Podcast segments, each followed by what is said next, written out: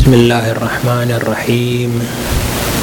الحمد لله رب العالمين خالق الخلق أجمعين باعث الأنبياء والمرسلين وأزكى الصلاة وأتم التسليم على النبي المصطفى الصادق البار الأمين حبيب الله ونجيبه وصفيه وخيرته من خلقه أبي القاسم محمد.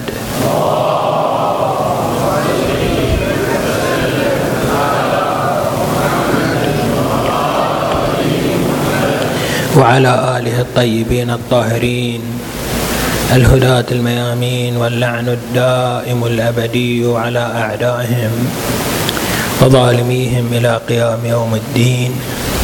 السلام عليكم إخواني المؤمنين جميعا ورحمة الله وبركاته. أوصيكم ونفسي بتقوى الله عز وجل والاجتهاد في طاعته واجتناب معصيته. قال الحكيم في محكم كتابه الكريم بسم الله الرحمن الرحيم. يا أيها الذين آمنوا اذكروا الله ذكرا كثيرا. وسبحوه بكرة واصيلا. هو الذي يصلي عليكم وملائكته ليخرجكم من الظلمات إلى النور. وكان بالمؤمنين رحيما. تحيتهم يوم يلقونه سلام. وأعد لهم اجرا كريما. صدق الله العلي العظيم. في هذه الآية المباركة وفي آيات قرآنية كثيرة وتسندها وتشرحها جملة من الروايات المروية عن رسول الله وآل بيته الأطهار. تدور حركة الإنسان المؤمن حول أساس ومنهج يختصره القرآن الكريم وتتمحور حقيقته حول ذكر الله عز وجل. يا أيها الذين آمنوا اذكروا الله ذكرا كثيرا هو الذي يخرجكم من الظلمات إلى النور. هو الذي يخرجكم من الظلمات إلى النور. هو الذي يصلي عليكم وملائكته ويخرجكم من الظلمات إلى النور.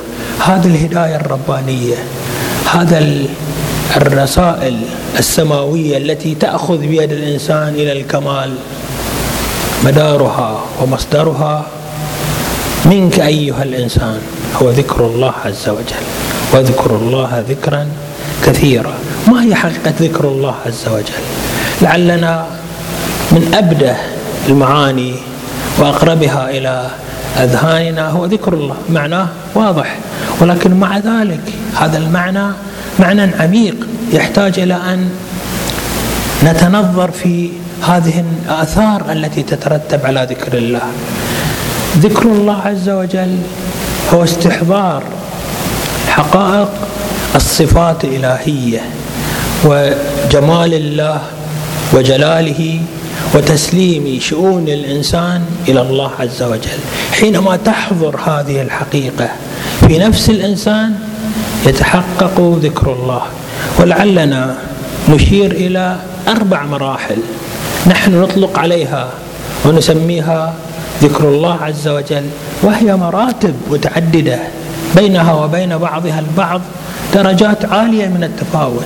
أول مرحلة من مراحل الذكر وهي منطلق وهي الحالة التي بين أيدينا والتي نتمكن منها وهو وهي التلفظ بذكر الله عز وجل أن يقول الإنسان بلسانه سبحان الله الحمد لله لا إله إلا الله الله أكبر أستغفر الله. هذه ذكر ينطلق منه الإنسان ولكنها ليست حقيقة الذكر هذه وسيلة لتحقيق الذكر. لأننا عرفنا الذكر بأنه استحضار المعاني والحقائق في قلب الإنسان. فلوحدها التلفظ بهذه الألفاظ لوحدها ليست ذكرا لله عز وجل. هي مجرد إعداد وتهيئة للقلب لكي يحصل على حضور هذه الحقائق. نعم الله عز وجل بكرمه برحمته قد يحتسب ملائكته. هذا التلفظ لنا ذكرا. وإن لم يكن في حقيقته ذكر وإن لم تكن آثار الذكر نحن سوف نشير إن شاء الله إلى آثار ذكر الله عز وجل.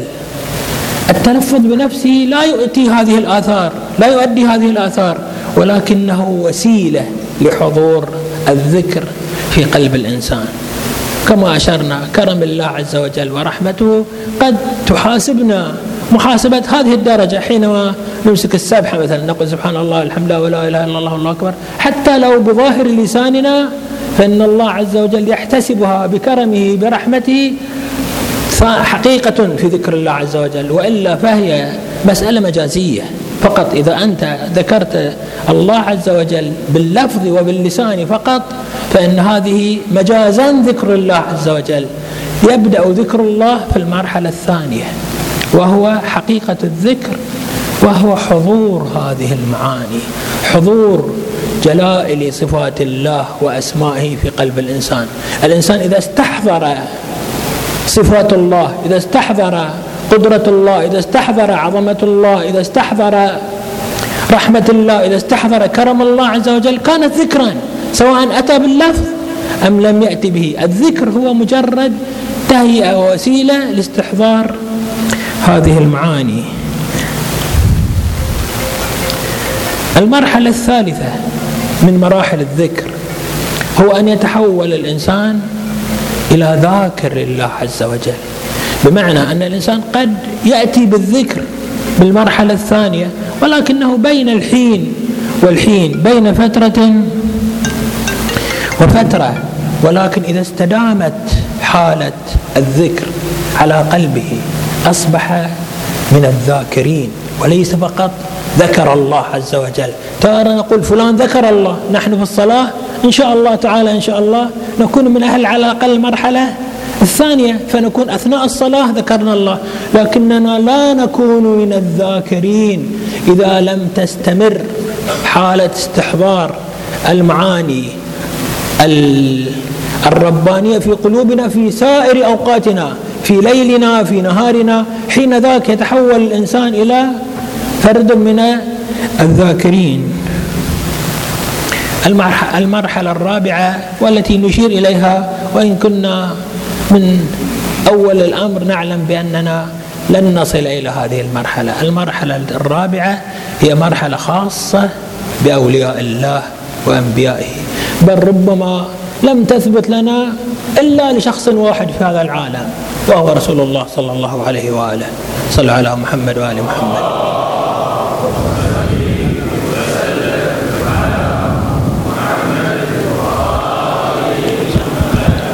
اللهم صل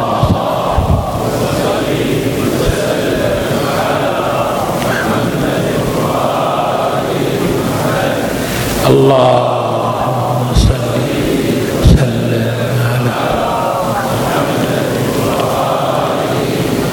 إلا لرسول الله ومن هم نفس رسول الله؟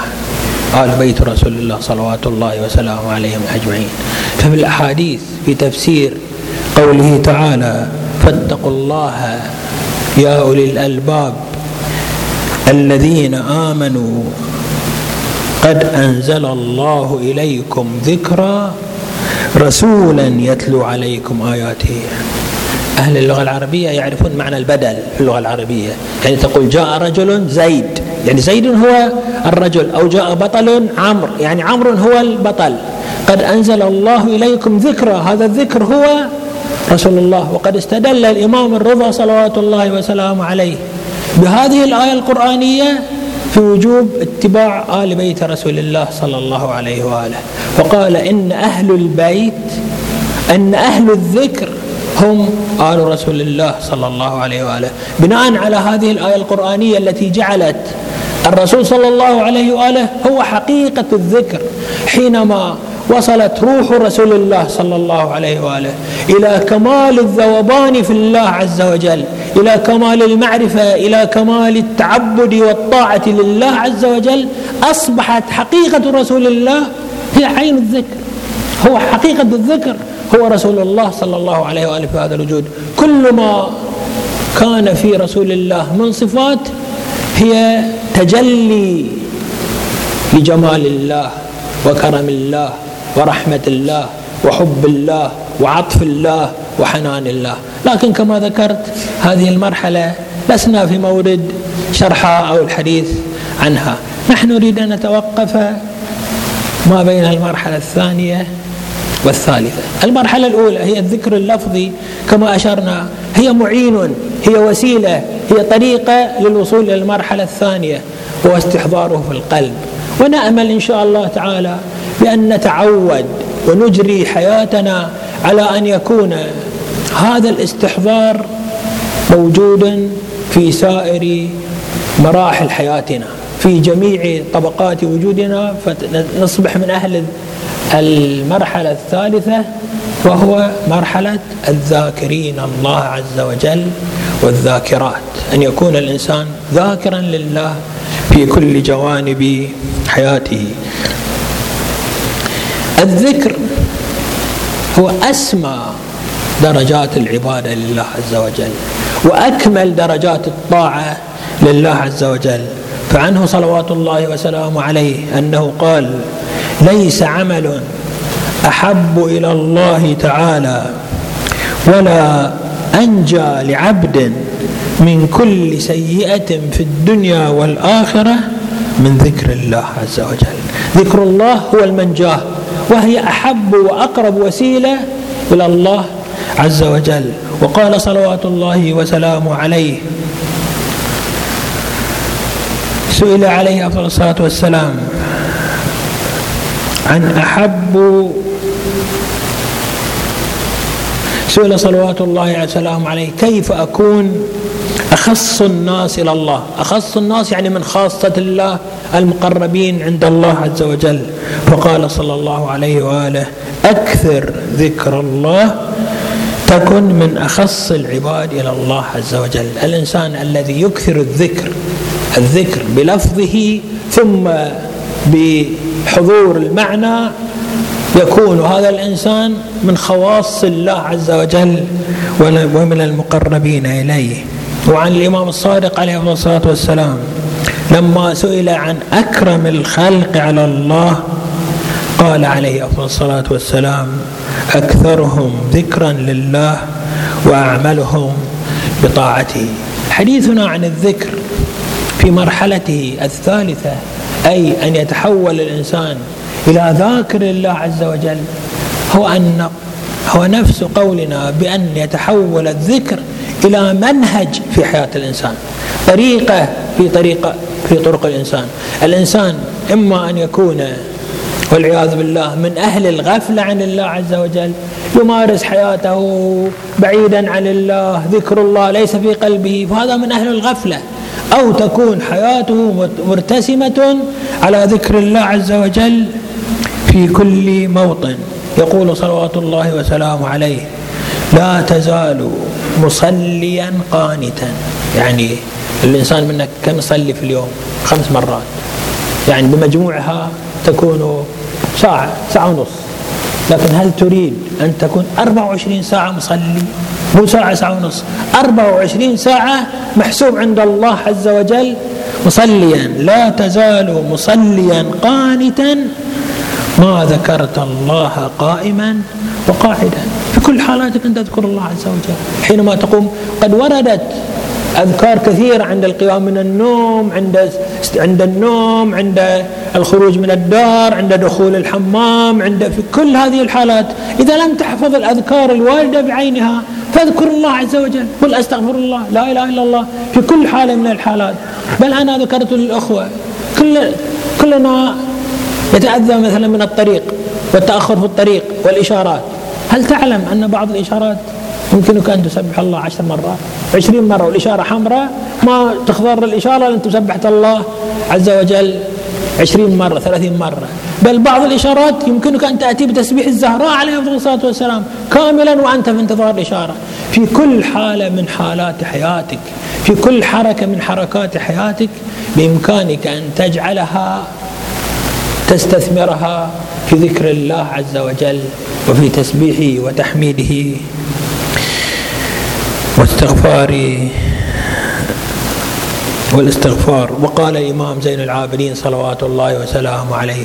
قال أمير المؤمنين صلوات الله وسلامه عليه في المناجاة المعروفة والمعروفة المناجاة الشعبانية. وألهمني ولهم بذكرك إلى ذكرك. يعني اجعل ذكري لك سببا ووسيلة للوصول إلى درجة أعلى من الذكر. الذكر ليس مرحلة واحدة. والإنسان في حال الذكر ليس فقط في مرتبة واحدة من مراتب العبادة بل يمكن أن تكون هذا الذكر درجة من درجات العبادة ترفعك إلى درجة أعلى. إلهي وألهمني ولهم بذكرك إلى ذكرك. وفي الحديث القدسي عنه جل جلاله قال أيما عبد اطلعت على قلبه فرأيت الغالب عليه التمسك بذكري توليت سياسته. سياسة القلب ما هي؟ تربية القلب. كثيرا ما نسأل إحنا نصلي ولا نشوف الأشغال والانشغالات والأفكار حلت في قلوبنا. ما نستطيع أن نتصرف في قلبنا. وهذا من أصعب الأمور. صحيح. تربية القلب على أن يكون حاضرا عابدا لله عز وجل. ليس مسألة سهلة. ولكن الوسيلة إلى أن يتربى هذا القلب تربية صحيحة هو أن نسلمه بين يدي الله عز وجل. أيما عبد اطلعت على قلبه فرأيت الغالب عليه التمسك بذكري توليت سياسته. سياسته يعني تربيته تربية يأخذ بها إلى الكمال. وكنت جليسه ومحادثه وأنيسة. أما آثار الذكر ماذا يترتب على الذكر؟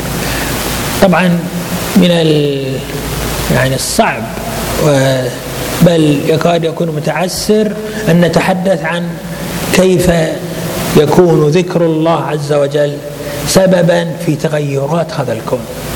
كثير من أحداث هذا الكون. لها أسبابها المادية لها أسبابها الطبيعية والمفترض علينا أن نتمسك بهذه الأسباب الطبيعية. في الحديث أن نبيا من الأنبياء استمرض فقال يا رب اشفني. فقال الله عز وجل وصف له دواء. فقال يا رب أنا لا أخذ الدواء وإنما أطلب الشفاء منك. فقال الله عز وجل الدواء مني. الشفاء مني الدواء مني. أنا الذي جعلت في هذا فالتمسك بالآثار الطبيعية مطلوب. ولكن التمسك بالله عز وجل هو الأساس. علينا أن لا نغفل أن كل ما نريده وإن كان مطلوب منا شرعا أن نسعى إلى تحقيقه بالوسائل الطبيعية. علينا أن نسعى علينا أن نعمل علينا أن نتعلم علينا أن نبدع في أمورنا. ولكن نجعل أملنا رجاؤنا توكلنا اعتمادنا ثقتنا بإرادة الله عز وجل. حتى هذه الأسباب لا تأخذ دورها ولا تعمل عملها ولا تفعل مفعولها إلا بأمر الله عز وجل. فإن لكل ذكر أثره التكويني في هذا العالم. نحن بالنسبة لنا قد لا نعرف معنى ما الفرق بين أن نقول أستغفر الله لا إله إلا الله أستغفر الله الذي لا إله إلا هو. ما يتبين عندنا معنى هذه الأمور والفرق بينها. ولكن أهل الولاية وأهل المعرفة يعلمون أن لكل ذكر آثاره الطبيعية والتكوينية. حينما يقرأ الإنسان الدعاء الوارد في الليلة الفلانية في المكان الفلاني في الكيفية الفلانية يترتب على ذلك تغييرا في هذا الكون. فرجا رحمه كرما عطاء درجات في الجنة. هذه لا يعلمها إلا أولياء الله عز وجل يقول الإمام الصادق صلوات الله وسلامه عليه عجبت لمن فزع من أربع كيف لا يفزع إلى أربع؟ يعني هناك أربع حالات الإنسان تسبب له ارباكا تسبب له صعوبة تسبب له صدمة في حياته. كيف لا يفزع إلى أربعة؟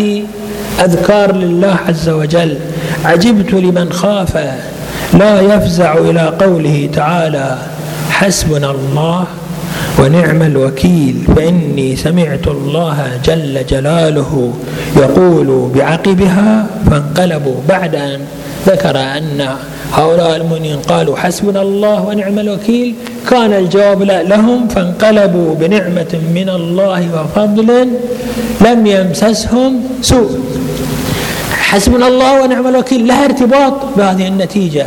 وعجبت لمن اغتم لا يفزع إلى قوله تعالى سبحانك لا إله إلا أنت إني كنت من الظالمين فإني سمعت الله جل جلاله يقول بعقبها فاستجبنا له ونجيناه من الغم وكذلك ننجي المؤمنين. وهكذا يذكر الإمام الصادق عليه السلام أذكارا هي سبب لنتائج معينة. فالخلاصة أنه علينا أن نتعلم كيف نذكر الله متى نذكر الله في كل حال إلى أي نوع من الذكر نحتاج.